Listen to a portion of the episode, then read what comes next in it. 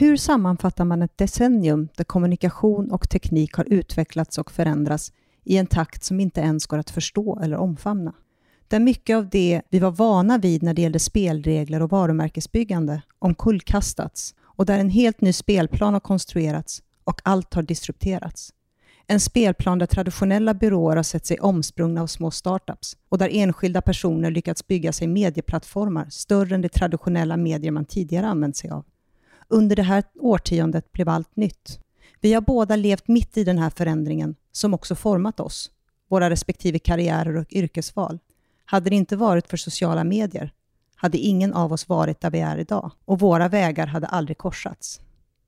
2010 till 2019, åren där just social blev by default.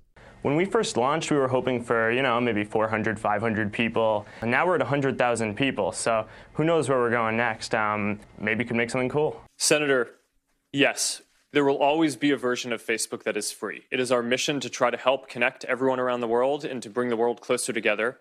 In order to do that, we believe that we need to offer a service that everyone can afford, and we're committed to doing that. Well, if so, how do you sustain a business model in which users don't pay for your service?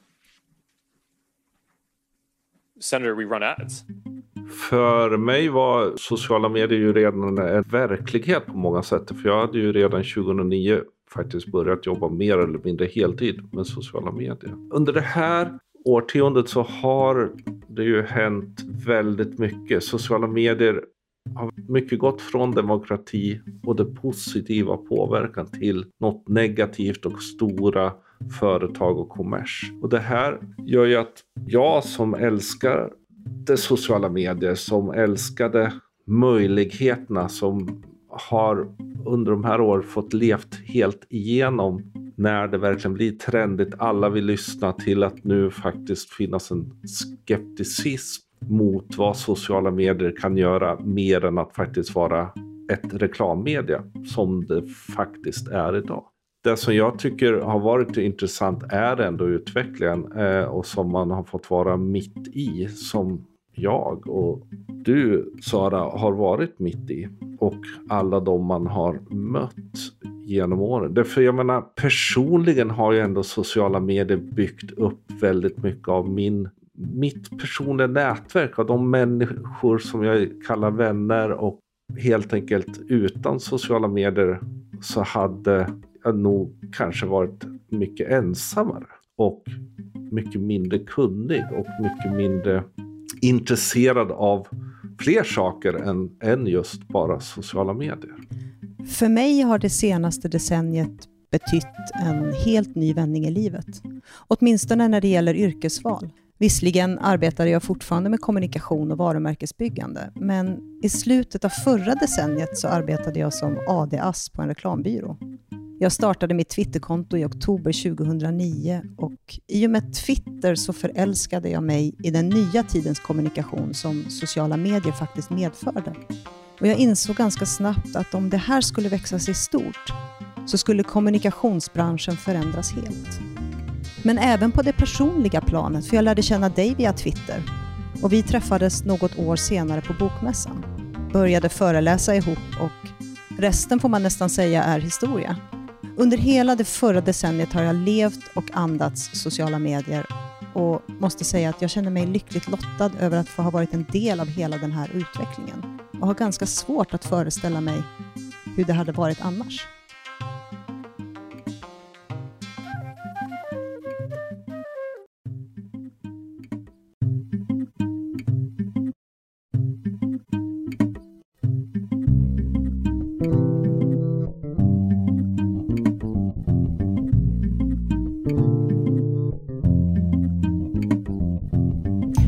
Det här är podcasten Social by Default med ett specialavsnitt där vi försöker sammanfatta hela det förra decenniet och vad det har inneburit i kommunikation, reklam och för oss.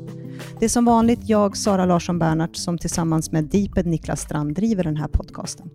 Vill ni kommentera avsnittet eller har idéer för framtida avsnitt, twittra till oss med hashtaggen socialbydefault eller prata med oss på vår Facebook-sida, alternativt vårt Instagramkonto. Hej Sara! Hej Niklas! Hur känns det? Alltså lite, lite omtumlande måste jag säga. Ja. Hur känns det för dig? Jo, men det är ju det. Och, och jag menar, det har varit ett oerhört spännande årtionde. Och så ska man försöka på något sätt sätta sig att under vet jag, 40 minuter eller vad det blir vi spelar in sammanfatta. Och det har ju hänt så otroligt mycket. Mm. Och hela sociala medieutvecklingen har gått både snabbt och inte alls gått tillräckligt snabbt. Nej. Och det har varit ens liv så väldigt mycket under de här tio åren. Det, det blir lite den här, det är roligt och samtidigt lite otäckt därför vad, vad kommer nu och vad, vad, vad har man kvar? Liksom? Vad, vad, vad, kom, vad händer nu? Mm. Men det, det, är ganska fascinerande att se, just precis som du säger, hur otroligt mycket som har hänt. Och jag tyckte vi båda två liksom överrumplades lite av det när vi satt och tittade tillbaka och researchade inför det här avsnittet. Att shit vad mycket som har hänt under de här tio åren. Mm. Men samtidigt som vi flera gånger har sagt att vi inte tycker det har hänt så mycket, att man liksom har pratat lite om samma sak. Men när man försöker få ihop det så här så inser man ju att herregud, det har inte bara gått i 180 knyck, utan det har ju liksom gått i 360 knyck under de här åren. Och, och, samtidigt så blir det också den här att vi kommer ju kalla den sociala medie-årtiondet. Eh, för det är verkligen ett årtionde för sociala medier. Samtidigt som sociala medier ju närmar sig verkligen 20 år med stormsteg. Vad man ser många av de plattformar som finns. Mm. Det har gått extremt fort och hänt väldigt mycket. Och, och det tror jag är viktigt att tänka när man debatterar och diskuterar sociala medier. Det är lätt att alla nu glömmer bort vad Facebook faktiskt var, vad vi upplevde Facebook eller Twitter mm. 2010, 2011 gentemot vad vi nu gärna ger bilden av. Och jag menar, självklart, de har utvecklats jättemycket och både gjort fel och rätt, men, men man får inte heller glömma vad det faktiskt är. Nej. Och, och, när vi tittar tillbaka så kan det ju saker som kan kännas som om det låg jätte, jättelångt bak i tiden, är egentligen inte så långt tillbaka. Nej. När man väl sätter liksom de här åren, när man börjar backa de här åren. Mm. Jag menar, redan 2010 som vi egentligen börjar allt det här, det var ju då som The Social Network kom. Filmen om Facebook. Mm. Det känns ju extremt långt tid sedan, fast ändå som igår. Och den satte ju väldigt mycket, antagligen också lite bilden av Zuckerberg och satte bilden av vad Facebook ändå är och där man kan många gånger diskutera hur mycket, hur mycket sanning och hur mycket fiction det faktiskt är i de här med den filmen. Men jag tror det var en typisk sån där grej som hände som sen faktiskt har haft påverkan av det mesta som har varit. Mm. Men om, om man tittar, liksom, det har ju växt väldigt mycket. Facebook hade 400 miljoner månatliga användare 2010, när då filmen kom ut. Och idag så räknar de med 2,2 miljarder månatliga användare. Det, det är ju en ganska snabb utveckling. De andra har också haft, inte motsvarande storleksmässiga utveckling, men men också liksom utvecklingen. Vi har Snapchat som på några år blev ganska stort mm. procentuellt sett. Det har ju verkligen hänt och det växer ju fortfarande men nu går det in i en annan situation. Vi hade också 2012 så köpte Facebook Instagram. Ja. Man tänker ju liksom, men vänta, Instagram har väl inte funnits så mycket längre, men det har det ju faktiskt gjort. Mm. Och då var det en miljard och sen då 2014 så köpte Facebook också WhatsApp och då var det prislappen något högre. Och det här har vi ju sett och där startade ju kanske mycket av 2010 till 2014 var väldigt mycket utveckling.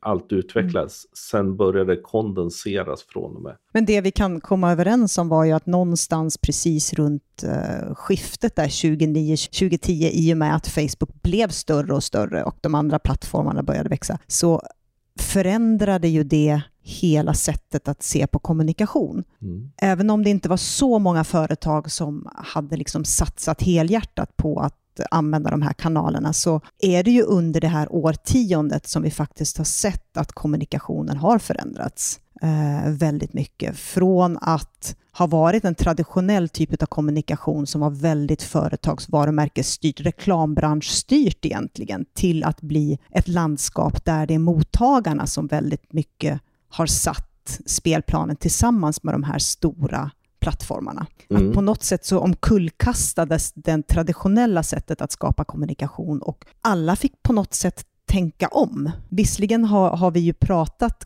kunden i centrum ganska länge, men det var först nu under det här årtiondet som det har blivit på riktigt. Mm. Och det är ganska fascinerande. Den stora förändringen har väl antagligen kanske mediebranschen genomgått just under det här decenniet. Mm.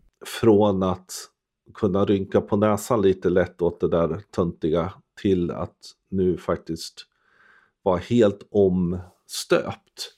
Och, och någonstans, de kan gnälla hur mycket de vill fortfarande på sociala medier men de kan inte leva utan dem. Nej. Och det är nog kanske den, egentligen den stora, stora, stora förändringen hur det har hänt och där också streamingen är en del av den här förändringen som har förändrat både radio och tv på många sätt. Ja, men det har blivit verkligen på användarnas villkor.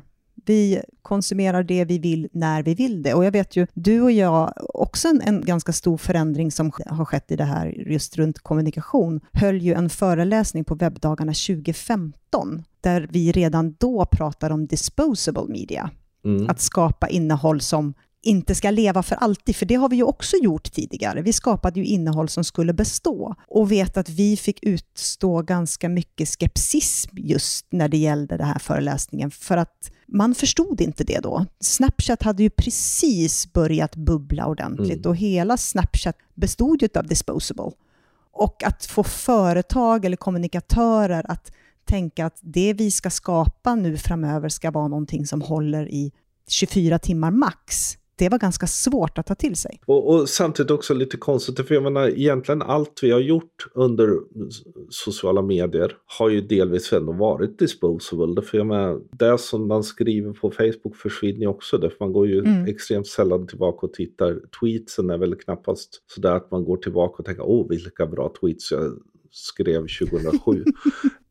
så, så jag menar, att, att man inte förstod den här eller åtminstone var öppen för det, ganska intressant. Och där tror jag många kreatörer som gör att de är så jäkla sent in på i det Instagram stories idag. Att man liksom mm. inte förstod att egentligen är det här precis samma sak som förut, det är bara ett annat format. Men sen måste vi också komma ihåg att backar vi 5, 6, 7, 8 åtta år, liksom i början på det här årtiondet, så såg vi ju också sociala medier väldigt mycket som trafikdrivare. Mm. Vilket innebär att vi ägde fortfarande innehållet på våra egna plattformar ganska mycket och använde kanalerna till det. Mm. Det här har ju mm. också förändrats genom åren i samband med disposable. För jag menar, använder du Facebook till exempel för ett sätt att driva trafiken till din blogg eller till din hemsida eller din landningssida eller kampanjsajten, så fanns ju ändå innehållet kvar. Nu i och med liksom hela den disposable-delen så var det ju lite läskigt för att då skulle det försvinna, det skulle ju raderas. Det fanns ju liksom inte kvar på det sättet som man var van vid. Och jag tror att 2015 var vi väldigt tidiga där Medan idag så ser vi det som en självklarhet egentligen. Och samtidigt så tror jag i grunden ligger den här någon sorts idé om att när man producerar något så ska det alltid sparas. Därför det är så mm. jävla viktigt. I det här fallet så blir det inte så viktigt. Och då måste man förhålla sig på ett helt nytt sätt till det man faktiskt skapar. Och där tror jag fortfarande, därför egentligen ska, ska vi vara helt krassa så ja, man började verkligen tänka mycket på att driva trafik. Men det gör vi delvis ibland fortfarande. Eh, mm. I vissa fall. Och använder sociala medier till att faktiskt driva trafik. Men kanske idag så ser vi att det organiska ska vi, är ingen större idé att göra, så då använder vi köpt för att driva trafik. Det är väl kanske inte så många som i sina sociala mediestrategier har som liksom mål och syfte med sin närvaro att driva trafik. Det kanske vi Nej. såg mer i början av 2010-2011. Det är en del, det är flera, man har flera mål, inte bara det. Men, men och då tar man då disposable, så, blev, så är ju det delvis fortfarande ganska få företag som jobbar med det väldigt medvetet och kontinuerligt ändå. Trots att det Mm. faktiskt ändå är snart fem år vi har haft det. Det som vi också har sett, jag menar om, om vi tittar på kommunikationen och hur den då har utvecklats under det här decenniet, så om vi tittar lite längre tillbaka i tiden och tittar förra decenniet och 2000 till 2010 så var ju bloggandet någonting som var riktigt, riktigt starkt. Alltså det skrivna ordet på de egna plattformarna var ju det som drev kommunikationen under det årtiondet väldigt mycket. Det har ju förändrats och minskat under 2010-2019. Alltså dels har vi ju sett det om vi tittar på svenskarna och internet, hur det egna bloggandet har minskat, men också har sett hur företagsbloggandet har förändrats. Och återigen tillbaka till att bloggandet då, det skrivna ordet har ju gått från att ha varit primärt då på egna kanaler, precis som vi sa, med sociala medier som trafikdrivande, till att idag använda det skrivna ordet väldigt mycket mer på plattformarna. här kommer vi återigen, det- för det har ju funnits en, och det finns några som fortfarande håller det, här tanken att man ska ha sitt innehåll på plattformar som vi har kontroll över och därmed bara driva. Ja, men det finns ganska många contentbyråer och annat som har drivit det väldigt hårt. Och du och jag har ju faktiskt sagt att ja, men vi är på väg till en tid där det här inte längre kommer vara så intressant därför vi kommer inte vilja klicka. Och så har det blivit. Alltså i det här fallet Mm. så det är en sak vi de facto har fått rätt i. Liksom. Att vi har förändrat det här från att hela tiden driva det till då plattformar vi har kontroll över till att använda de plattformar vi har Facebook, LinkedIn, delvis Twitter också eh,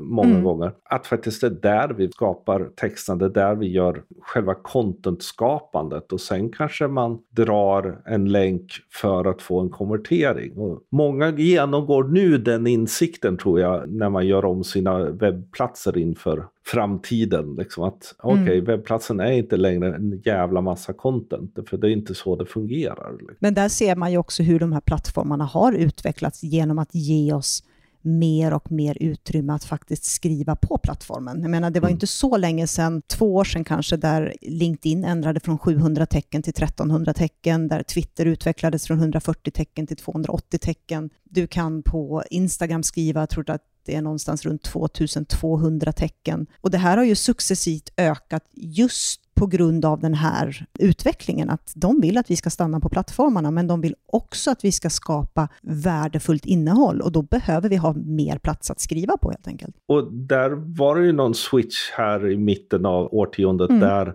där de sa nej vi tänker faktiskt inte vara trafikdrivande, liksom att ni bara ska utnyttja oss. Vi, vi behöver det för vi säljer annonser, vi säljer bla bla bla. Man kan gnälla som många gör, men det är ju bara att gilla läget och faktiskt börja arbeta med det.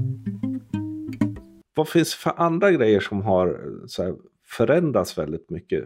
Du och jag pratade mycket text kontra bild kontra alla sådana saker. Precis, för jag menar även om vi pratade bloggande nu så är det ju faktiskt så att det här årtiondet har texterna fått stå tillbaka lite. Det har väl fått en uppsving nu på slutet, men jag menar under hela 2010 till 2019 så är det ju egentligen bild och film som har dominerat Mm. jättemycket. Det är där vi har sett plattformarnas utveckling. Det är där vi har sett våra egna utmaningar egentligen som både kommunikatörer och marknadsförare. Att vi helt enkelt måste bli suveräna på det visuella Mm. mycket mer. Att de har fått oss att stanna. De har varit the showstopper. Mm.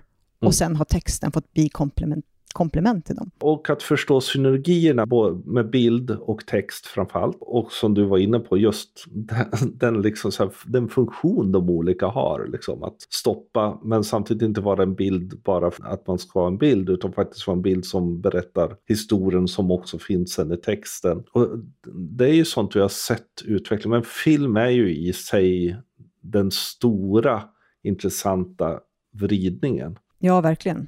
Där vi både har YouTube och vi har samtidigt den, den som för några år sedan kom att både Facebook och LinkedIn och Twitter valde att vilja ha filmerna native. Mm. Vilket förändrade tänkandet väldigt mycket när man jobbar med film. Kommer du ihåg när vi hade våra första kurser på Bergs? När vi hade, jag tror att vi hade någon slide där vi hade liksom, ni får inte bara göra textuppdateringar, inte ens på Twitter. Nej. Och, och hur det idag liksom det var inte så är en självklarhet. Nej, det känns... Men det är ändå ganska fascinerande när man tittar tillbaka hur det som vi såg jättemånga företag göra då, idag är helt otänkbart. Menar, enda gången man smiter ut liksom en, en textuppdatering oavsett plattform, det är väl nästan när man inte vill att någon ska läsa det, men man är tvungen att lägga ut det. när det är checkbox-information som måste ut. Nej men så, så är det. Jag tycker om, om man stannar vid rörligt så har ju liksom 2010 handlat om social video. Mm. I sig en utveckling där vår vän Björn Falkevik och några andra har sprungit långt, långt framför oss andra. Ja, verkligen. Där vi nu är eh, och där Kit som du liksom jobbar med Mm. som filmsätt verkligen också har de se- senaste fem åren någonting varit oerhört drivande och där man då ser att annan rörlig bild, reklamfilmer på tv, film i sig har fått lov att lära sig av social video istället för Mm. tvärtom. jag skulle säga dynamisk video Mm. väldigt mycket. Istället för, vad ska man säga, cinematisk video, liksom traditionellt storytelling berättande, så har ju hela social videodelen kommit till att vara väldigt, väldigt snabbt. Du måste ha snabba klipp, det måste hända saker. För att vi har en sån kort toleransnivå tror jag, att vi behöver hela tiden haka kvar i filmerna så att vi inte ska scrolla vidare. Ja, och där ligger ju hela timelinen. Timeline kom till Facebook 2011 och då kom algoritmerna att börja styra det fullt ut. Och sen har vi ju sett hela den delen. Och det innebar ju att sätter du en film i timelinen så är det ett Mm. helt annat ställe än att, att ändå behöva trycka på en knapp för att liksom byta kanal. Som förut var det sätt man gjorde. Och det innebar ju att man behövde tänka om väldigt. Vad fanns annat för rörligt? Wine? Vine kom, det var roligt. Ja. Det är väl egentligen, för er som kanske inte riktigt kommer ihåg då Vine, var det ju sex sekunders filmer. Det var ju extremt kort.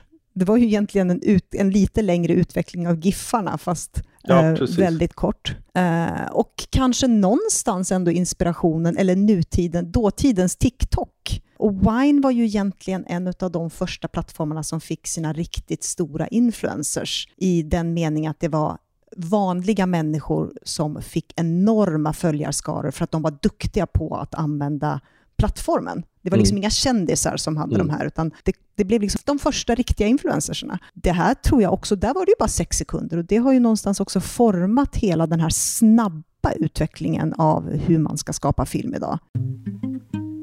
Du var inne på influencers och det är också en viktig sak att inte glömma att 2010 har ju verkligen varit när influencers på riktigt blev viktiga och stora. Mm.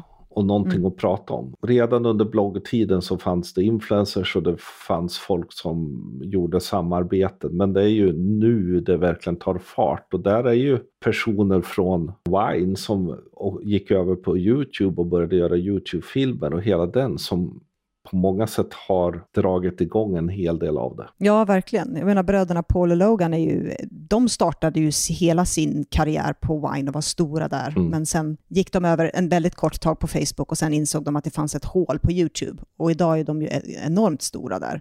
Mm. Så Wine var liksom startskottet. Ja, för ganska många av dem, det för just som du var inne på, eh, de och det finns flera andra stora YouTubers som startade där. Sen har ju YouTube i sig haft en stark grupp av personer som var, faktiskt har varit där ganska länge. iJustine är ju en av dem som har hållit på längst och fortfarande håller på. Och, och YouTube fick väl kanske sin stora just 2010 när Pewdiepie faktiskt startade sin kanal. Sen var han ju inte speciellt stor de första åren, men Nej. sen tog det ju fart. Och så jag menar, under det här årtiondet har ju han gått från ingenting till över 100 miljoner följare. Vilket är helt galet. Jag menar, där tycker jag det känns som att på 9-10 år känns ju som ingenting. Det känns ju som att han skulle ha hållit på liksom i 25 år eller någonting. Här Ja. tycker jag 2010 känns som alldeles, alldeles nyligen. Där har vi också sett en utveckling. Jag menar, vi har Therese Lindgren, hon är ju stor. Hon började ju sin resa på YouTube 2013 2013 och var väl en av de första svenskar som liksom började med videobloggandet på det sättet Mm. som vi ser idag. Och det som har skett nu under de här åren är ju att utvecklingen av tekniken, får vi inte glömma, har gjort det lättare för vem som helst egentligen att starta videoblogga. Så att videobloggande idag är ju mainstream, Mm. måste vi säga. Där jag tror, och det här ska vi prata om i en annan podd, men där vi ser att det kommer komma ett nytt skifte. Eh, från att liksom, nu när det har mainstreamifierats så kommer det nog på samma sätt som bloggandet, på samma sätt som poddandet, på samma sätt som andra plattformar att fingranuleras och vi kommer ställa högre krav på de som gör det. Och det är inte bara unga som tycker det här är världsbäst utan fler och fler tittar de facto på YouTube som vilken tv-kanal som helst och därmed blir det intressant. Vi gör en ganska kul grej som ni bara måste gå och titta på. Vi lägger en playlist till alla YouTube Rewind från 2010 fram till då årets. Och den är ganska intressant att se, för där, där kan ni verkligen se utvecklingen av YouTube. Men en sak som också kommit som YouTube faktiskt var, var gan- ganska långsam på, det är ju livesändningar. Om vi tänker disposable media i Snapchat-del så har vi också Twitch som faktiskt startade ganska tidigt i årtiondet och har byggt upp en gigantisk del av att faktiskt sitta och titta på någon som livestreamar och spelar spel, vilket ju är Twitch stora viktiga del. Och som nu ägs av Amazon. Och där har du ju hela gaming, eh, vad heter det, communityn, men jag menar Twitch, om vi, om vi drar parallella plattformar som vi som kommunikatörer och marknadsförare använder, så är det ju Periscope och Mercat egentligen som, som var de som fanns i våra, på våra plattformar. Som startade Eh, som live. startade Mm. livestreamingen. Som vi idag nu kan se liksom, eh, live på Instagram, vi kan köra live på Facebook och vi kan ganska snart tyvärr kanske köra live på LinkedIn. Ja, eller jag tror ju LinkedIn kan vara bra utifrån att om de håller det någorlunda ordning och så. Märk att Periscope är väl kanske, jag vet inte, sista gången vi såg den här där två olika tjänster kommer på att det här kan vi göra och verkligen få börja fightas om vem kommer vinna. Därför efter det så kommer jag inte ihåg egentligen några tjänster som har gjort det här på riktigt. Men det förmärkat startade ju i princip ett par dagar innan Periscope och hade ju ett ganska stort, stor fart under ett halvår. Mm, det stämmer. Men där sen Twitters tyngd bakom Periscope innebar att Mercat fick lov att sluta. Ja, och kanske med hjälp av, eller på grund av, det är så svårt att säga, de hemska terrorattacker och sånt som ändå har skett under det här årtiondet, där Periscope var väldigt, väldigt drivande i realtidsuppdateringen. Mm. Där Mercat, På gott och ont. Ja, i och med att Twitter och Periscope var då så otroligt sammanknutna så åt Mercat upp av det. Folk Ja. var inte där. Och där har vi också sett eh, alltså tyngden hos Facebook. När Facebook mer eller mindre ju ändå har utraderat Periscope-användningen. Mm. Där Facebook Live är den riktigt stora live-kanalen. Där YouTubes live nu är kanske nummer två ändå. Liksom. Men om vi 2010 egentligen och fram till 2014-2015 hade någon sorts, det fanns möjligheten för Twitter att försöka starta någonting nytt. Det fanns möjligheten för de andra att starta så har Facebook nu en sån otrolig tyngd. Mm. Så när de bestämmer sig för någonting så eh, får eh, konkurrenter någonstans lyfta på hatten och säga ja det var kul så länge det varade. Och där tycker jag att man kan dra en, en väldigt tydlig parallell till Snapchat och Instagram. Mm. För Snapchat gjorde ju lite precis som Periscope och eh, märkte att de hittade ett hål och skapade någonting som vi inte hade sett innan. Rätta mig om jag har fel, men jag tror att Facebook försökte snöp, köpa Snapchat och de sa nej och då gjorde de helt enkelt så att de kopierade allting och lade på Instagram. Och sen efter det så har ju faktiskt Snapchat pivoterat sin affärsidé en hel del och har sin unga målgrupp, men företag och kommunikatörer och marknadsförare och influencers använder ju Instagram på ett helt annat sätt idag med tanke på att de helt enkelt tog hela den här. Det skulle inte förvåna mig, även om jag idag har svårt att se vad det är för nytt hål, ny plattform som skulle kunna komma. För det är ju lite det här att en metoo-plattform har svårt att slå igenom, men en, en helt ny plattform som fyller ett behov som vi idag inte egentligen kan se, har ju möjlighet att växa sig stort. Och det skulle inte förvåna mig om Facebook gör samma sak igen, om de hittar någonting, att de helt enkelt går in och antingen försöker köpa upp, alternativt kopierar och implementerar det på sina egna plattformar som finns idag.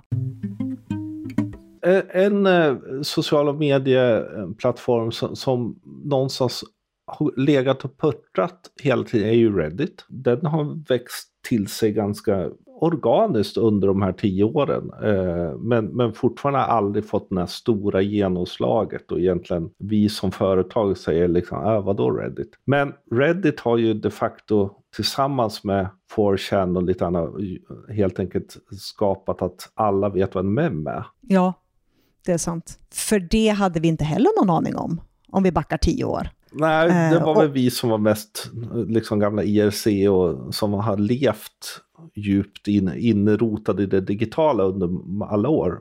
MEM har ju och är idag en ganska stor del av den kommunikation som vi använder. Jag menar, inte bara vi som privatpersoner använder oss av MEMS, utan faktiskt företag har kunnat skapa hänga på olika trender eller olika mems för att skapa liksom, igenkänning och sådär. Sen har vi ju hela den andra delen när kulturer som kanske är långt ifrån oss, där memmen har stått för någonting som bara de riktigt få har kunnat tolka, där det har funnits en stor censur utav eh, stat eller liknande, där memmen har fått driva ett, vad ska man säga, en agenda som har varit svår att identifiera för de som inte har varit riktigt, riktigt insatta. Mm. Men för oss andra vanliga dödliga här i västvärlden så har ju memmen gått från att i början av årtiondet ha varit några få riktigt stora tills att idag så är det en uppsjö och det kommer nya hela tiden. Mm. Och här är ju en ganska intressant, för gissningsvis så framförallt bland yngre så har intresset för mems skapats av att faktiskt Pewdiepie har varit den som hela tiden pratat mems genom alla år och haft, haft någon sorts liksom genomgång och det har ju fortfarande, mem review är ju liksom otroligt mycket och under de senaste åren har han gjort det väldigt mycket. Sådär. Och där är ju intressant, ja, men, och, och, lite det här realtidsmarknadsföringen som företag då har fått hoppat på har ju drivits lite av mems där Doge som mm. ju är jättestort och väl använt, där liksom Stockholms lokaltrafik använder det i en kampanj. Och ingen fattar något. Nej, inte de vuxna och kanske tyckte ungdomar det var lite halvtöntigt egentligen. Men, men det är ändå liksom hur det här påverkar och hur sociala medier påverkar kulturen och, och mm. påverkar det politiska samtalet. Det, som du var inne på just MEMS som en möjlighet att, så att säga, kommentera någonting och ibland göra det i satir eller humorns och kodspråkets möjlighet när man inte kan göra det rakt av att säga någonting är ju en oerhört viktig del. När det just gäller kodspråk så har vi ju faktiskt en utveckling när det gäller emojisarna också, där vi idag ser att åtminstone den yngre kulturen har ett helt annat användningssätt utav emojisar, där de kanske inte alls betyder det som vi vuxna tror att de betyder och använder det på ett helt annat sätt. Jag menar, det är också en förlängning utav det här. Och där de stora plattformarna också fick inse att men vi kan, det räcker inte bara med en like eller en stjärna eller någonting, utan vi måste Nej. ha personer som är emojis de facto. Jag fick ju frågan av mina social media managers nu precis före jul om vad, hur jag ser på användandet av emojisar från, som ett företag. Och jag avråder dem ganska ganska starkt just för att vet man inte riktigt hur de används i alla olika åldersspann så ska man nog låta bli och kanske jobba med dem via DM istället för att jobba i dem i ren kommunikation, för det kan faktiskt slå fel ibland. Jag tror ju samtidigt att man förlorar en, en, en nivå om man faktiskt inte gör det, men jag kan ju känna att jag vet ju inte vad jag håller på med om jag ska liksom försöka lägga in emojis i en text till någon kund. Liksom. För, det, för mig är det liksom, jag använder glada gubbar och pussar, det är ungefär liksom det, det jag använder i vardagen, för jag är inte den generationen. Så det är intressant. Nej. I det finns ju också hashtaggens utveckling under det här årtiondet. Ja, och det var väl egentligen som mitten av årtiondet, 2015 kanske, som hashtaggen blev mainstream. Jag menar, den föddes ju ur Twitter långt tidigare, men blev väl egentligen mest använd på Instagram. Och den, det största beviset här i Sverige i alla fall på mainstreamifieringen av hashtaggarna när alla visste vad en hashtag var, var väl maj 2015 när Sportnytt uppdaterade sin logga till att bli hashtag Sportnytt. Och den har de fortfarande. Och dödade hashtag-användandet på Twitter fullkomligt. Men det är ändå intressant, för jag menar på samma sätt som vi, när vi har gjort strategier under de här åren, faktiskt har insett att ju närmare mitten och slutet av det här årtiondet, desto viktigare har det varit att faktiskt ha en ordentlig hashtag-strategi inkorporerad i den vanliga strategin. Mm. Så att man inte hashtaggar lite på måfå, för det tåget har redan gått för länge sedan. Och där just Twitter dels valde ett söksystem som innebär att man inte nödvändigtvis behöver en hashtag, men också att det blev lite sådär, alla skulle då kommersialisera hashtaggen och det var liksom i tryckt så kunde det vara liksom en hashtag. Hashtaggen blev det nya et och det gjorde att mm. väldigt många bara, nej men nu orkar man inte använda hashtags på just Twitter. Därför där ser man en väldigt markant nedgång, tycker jag. Ja, trots att vi har fått mer utrymme så har hashtaggandet minskat. Ja, och kanske på grund av det ibland. Tio år med, med eh, sociala medier, vad har vi haft för stora händelser? En sak som är ganska stor är ju smartphones mm. som i, någonstans inte var i var mans hand från början men nu idag är det. Och det innebär ju att sociala medier har blivit appar. Och där har vi ändå, liksom om, man, om man tittar på de tio mest nedladdade apparna nu, så är det ju faktiskt, det är fortfarande Facebook, även om vi inte ser att det växer på samma sätt som det har gjort, men det är fortfarande en av de absolut mest nedladdade apparna. Sen så har vi Facebook Messenger, återigen tillbaka till det sociala. Eh, och WhatsApp är också en av de mest nedladdade. Instagram, Snapchat, Skype. Jag menar, listan kan göras extremt eh, lång, men det är framför allt de sociala plattformarna som dominerar. Även om man då tänker, ja men vadå, vadå ladda ner, det är inte så många nya, ja men vi byter telefoner och vad är det då vi laddar ner för appar? Det, mm. det är liksom de sociala medieapparna som, det som inte finns här är ju någonstans kanske den, en av de mest använda sociala medieapparna är ju faktiskt iMessages eller meddelanden på, på iOS som har utvecklats från sms till att vara så pass mycket mer många gånger. Så, så allt har ju också på något sätt blivit socialt. Alltså det sociala har injicerats överallt. Även om så säga, delningsknappar inte längre är så viktiga därför att vi har det i våra mobiltelefoner om vi vill dela någonting så är, är ju mm. liksom hela den delen en självklarhet. Det vore jättekonstigt att inte ha den möjligheten. Så det sociala finns hela tiden med oavsett var vi är. Något. Det ska ju bli intressant att se vart det tar vägen nu. Jag har svårt att se samma explosionsartade, omvälvande utveckling som vi har sett nu under de här tio åren i de kommande tio åren. Sen är det ju självklart att allting kommer ju förändras och utvecklas. Det, det enda som är konstant är ju förändring. Och det kommer vi prata om i nästa avsnitt. Det kommer vi göra, för att nästa podcast vi kommer släppa kommer nämligen handla om vad händer nu? Vad kommer sen? Alltså år 2020 och framåt. Vad tror vi kommer ske under de här åren? Och det som vi har lärt oss under de, de här passerade tio åren, vad kan vi dra för slutsatser för de kommande tio? Men det är en helt egen podd. Så tio år av sociala medier, 2010 till 2019. Vi landar lite där vi började, åren där socialt blev just by default. Det var det för oss. Vi lägger in lite länkar i våra show notes och de hittar ni alltid på podcast.socialbydefault.se. Glöm inte att prenumerera på oss. Vi finns på iTunes, Soundcloud, Acast Stitcher och Spotify. Det är bara att söka på Social by Default. Om ni gillar podcasten, ge den jättegärna betyg på Apple Podcasts. Recensera den. Och vill ni prata med oss så hashtaggen Social by Default går jättebra. Vi har ett Instagramkonto, självklart en Facebook-sida. Vi har även ett Twitterkonto därför vi är på riktigt Social by Default. Vill man prata med oss så heter jag Deeped överallt. Och jag heter Sanna C. LB. Ha det gott! Hej då! Hej då!